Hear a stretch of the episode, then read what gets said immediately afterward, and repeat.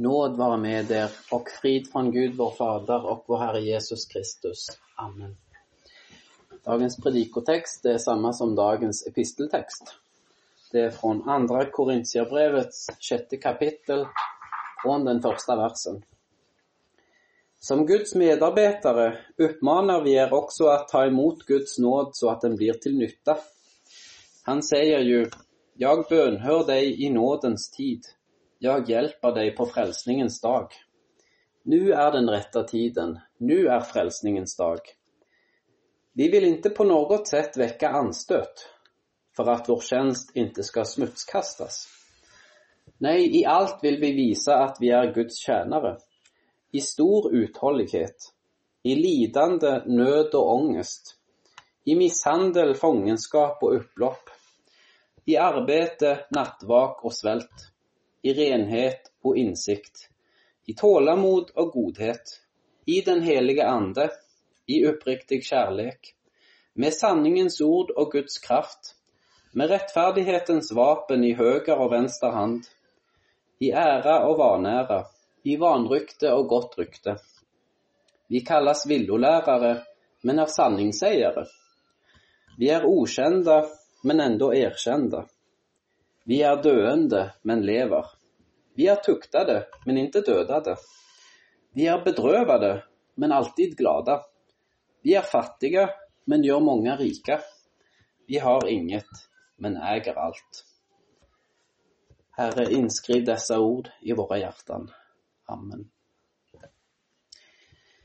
Ta emot Guds nåd så att den blir till nytta, skriver Paulus.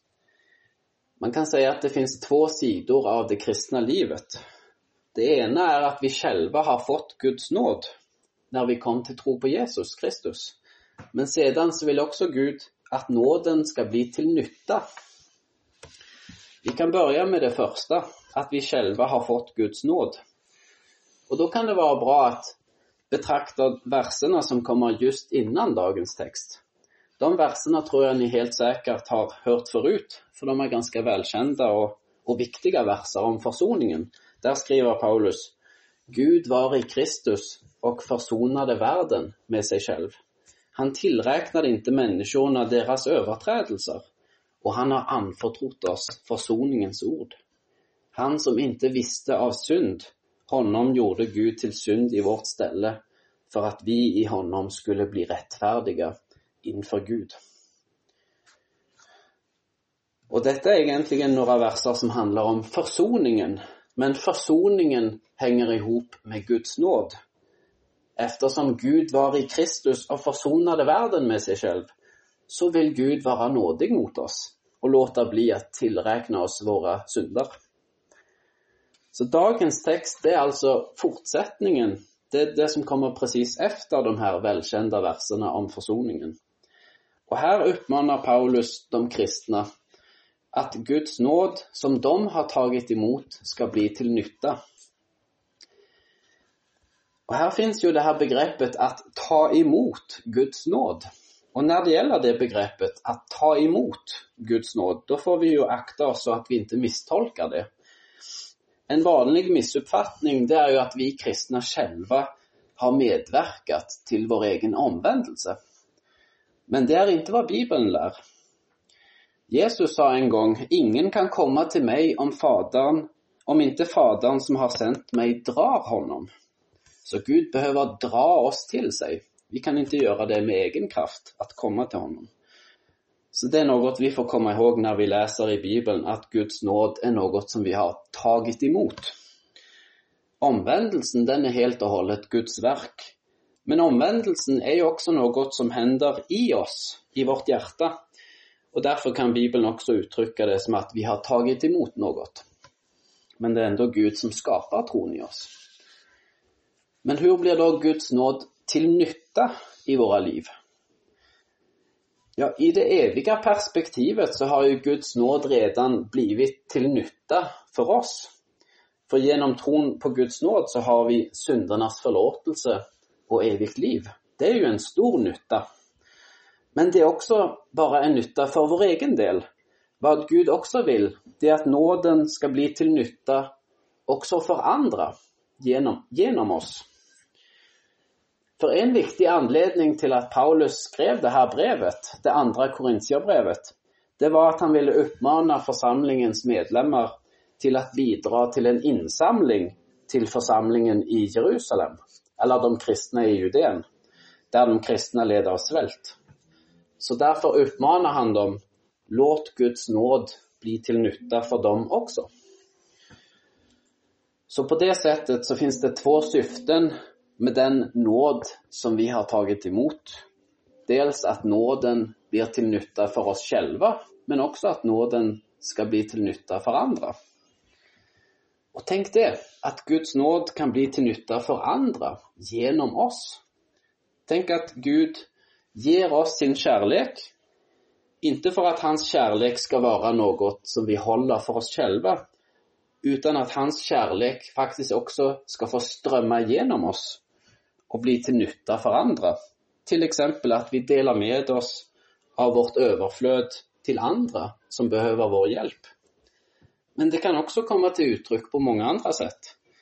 Till exempel när vi älskar våra familjer och tar hand om våra familjer. Att vi hjälper till i församlingen med våra gåvor och förmågor. Att vi sprider evangeliet till ännu fler människor. Och att vi ber till Gud om hjälp när vi behöver hans hjälp. Bönen är faktiskt något som Paulus kommer in på också i den här texten. Han skriver, han säger ju, jag bönhör dig i nådens tid, jag hjälper dig på frälsningens dag. Nu är den rätta tiden, nu är frälsningens dag. Men vad menar Paulus här nu då? Vi har ju precis konstaterat att Paulus uppmanar de kristna i Korint att låta Guds nåd bli till nytta för andra människor. Men vad har det då att göra med bönhörelse? Vad har det att göra med citatet från profeten Jesaja? Jag bönhör dig i nådens tid. Jag hjälper dig på frälsningens dag. Ja, vem var det som behövde hjälp? Ja, i det här fallet så var det inte de kristna i Korint själva, utan det var de kristna i Jerusalem och Judeen. Som sagt så hade de drabbats av svält. Enligt flera historiker så var, så, så var det flera perioder av svält i Judeen under 40-talet och särskilt under mitten av 40-talet. Och det hade också blivit förutsagt av en profet som vi kan läsa om i Apostlagärningarna i det elfte kapitlet. Där står det Vid den tiden kom några profeter från Jerusalem ner till Antiochia. En av dem, som hette Agabus, steg fram och förutsade genom anden att en svår svält skulle drabba hela världen. Den kom också under Claudius regering. Då beslöt lärjungarna att var och en skulle skicka så mycket han kunde för att hjälpa bröderna som bodde i Judeen. De gjorde så och sände hjälpen med Barnabas och Saulus till de äldste. Men varför börjar då Paulus att prata om bönhörelse här? Varför citerar han från Jesaja jag bönhör dig i nådens tid. Jag hjälper dig på frälsningens dag. Poängen är att de kristna i Judeen hade bett till Gud om hjälp och att Gud ville hjälpa dem genom hjälpen från de kristna i Korint och från övriga församlingar. Tänk det, att Gud kan använda oss som ett svar på någon annans bön. Att vi kan bli ett bönesvar till andra. Eller tvärtom, att Gud kan använda våra trossyskon som svar på våra böner. Jag bönhör dig i nådens tid, står det i den svenska översättningen. När det gäller begreppet bönhörelse så finns det något viktigt som vi bör komma ihåg. Och det är att Gud alltid hör våra böner. Genom tron så har vi alltid möjlighet att komma till Gud och prata med Gud. Och prata med en Gud som alltid hör oss när vi ber. Han hör oss alltid. Så om man bara tänker på begreppet bönhörelse så får vi ju egentligen alltid bönhörelse varje gång vi ber. För Gud hör alltid våra böner. Men det, det verkar egentligen vanligare att använda ordet bönhörelse i betydelsen bönesvar men det blir egentligen ganska förvirrande och det kan ju också bli lite vilseledande. Och i värsta fall så skulle det kunna leda till anfäktelser. Någon som inte får det svar som man vill ha kanske börjar tänka så här. Jag märker inte att Gud svarar på mina böner. Så då kanske han inte har hört mina böner. Varför får jag inte bönhörelse? Ja, nu kan vi ju inte ändra på hur ett ord används i ett språk, för det är ganska inrotat kan man säga. Men vad vi kan göra är i alla fall att lära oss väldigt noga vad Bibeln lär om bönen. Och det tror jag är ännu mer nödvändigt när det finns ett ord som används på ett ganska förvirrande sätt i språket. Och vad Bibeln lär är ju då alltså att Gud alltid hör våra böner, men hur Gud svarar på våra böner, det är en annan sak. Dessa två saker får vi inte blanda ihop, utan de bör vi snarare skilja åt. För hur Gud väljer att svara på en bön, det bestämmer bara han. Vi får be till Gud, men det innebär inte att vi får bestämma över Gud hur han ska svara på bönen eller hur han ska göra med våra liv. Vi får be till Gud och samtidigt komma ihåg att det är Gud som är allsmäktig och den som bestämmer. Gud kan ge oss olika svar på olika saker som vi ber om. Han kan svara ja, men han kan också svara nej. Han kan också svara inte ännu. Eller så kan han svara du får något annat som är bättre för dig än det du bad om. För det är inte alltid vi vet vad som är bäst för oss själva. Gud vet bättre vad som är bäst för oss, för han är allvetande. Och han kommer aldrig att svara det som du ber om går emot min vilja, men du får väl få det som du vill ha ändå, eftersom du ber så snällt. Nej, Gud kommer aldrig att gå emot sin vilja. Och han, och han kommer aldrig att ge oss något som är sämre, när han vet om något som är bättre. Och ett bönesvar kommer alltid att vara enligt hans vilja. Sedan säger Paulus plötsligt så här. Vi vill inte på något sätt väcka anstöt för att vår tjänst inte ska smutskastas. I en församling så är det viktigt att det finns ett förtroende för den som predikar. Ifall några medlemmar inte har förtroende för den som predikar, ja då blir det ju svårt att lyssna. Och det blir svårt att predika. Då blir förkunnelsen hindrad kan man säga. Och det är därför som Paulus behövde försvara, försvara sin tjänst i Korintierbreven. Han behövde skapa ett förtroende, eller stärka förtroendet som var svagt. Och det behövde han ju också göra för att han inte hela tiden var där. Han reste ju runt. Men ifall de kristna i Korint inte hade förtroende för honom så skulle de ha svårt att lyssna till hans budskap också. Och det verkar ha varit lite extra svårt just i Korint för dem att veta vem de kunde ha förtroende för eller vem de skulle hålla sig till. Det verkar ha funnits olika grupper i Korint där vissa höll sig till en och andra höll sig till, till någon annan. Paulus skriver i början av det första brevet Vad jag menar är att ni var och en säger Jag håller mig till Paulus eller Jag håller mig till Apollos eller jag håller mig till Kefas. Eller jag håller mig till Kristus. När det gäller de här olika åsikterna så var det ju inte så svårt för Paulus att bemöta det här problemet. För alla de här fyra, Paulus, Apollos, Petrus och Kristus, alla de fyra har ju samma budskap. Så här spelar det egentligen inte så stor roll vem de höll sig till, för alla de här fyra predikade ju sanningen. Alla de predikade Guds ord. Däremot så var det ändå viktigt för Paulus att bemöta det. För ifall man i en församling börjar favorisera olika förkunnare så kan det leda till onödiga strider och splittringar. Så därför var det viktigt för de kristna i Korint att inse att alla de här fyra har ju samma budskap.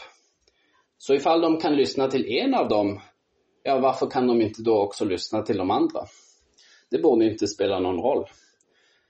Det är ju inte själva förkunnaren som person som spelar störst roll, utan det är förkunnarens budskap som spelar störst roll.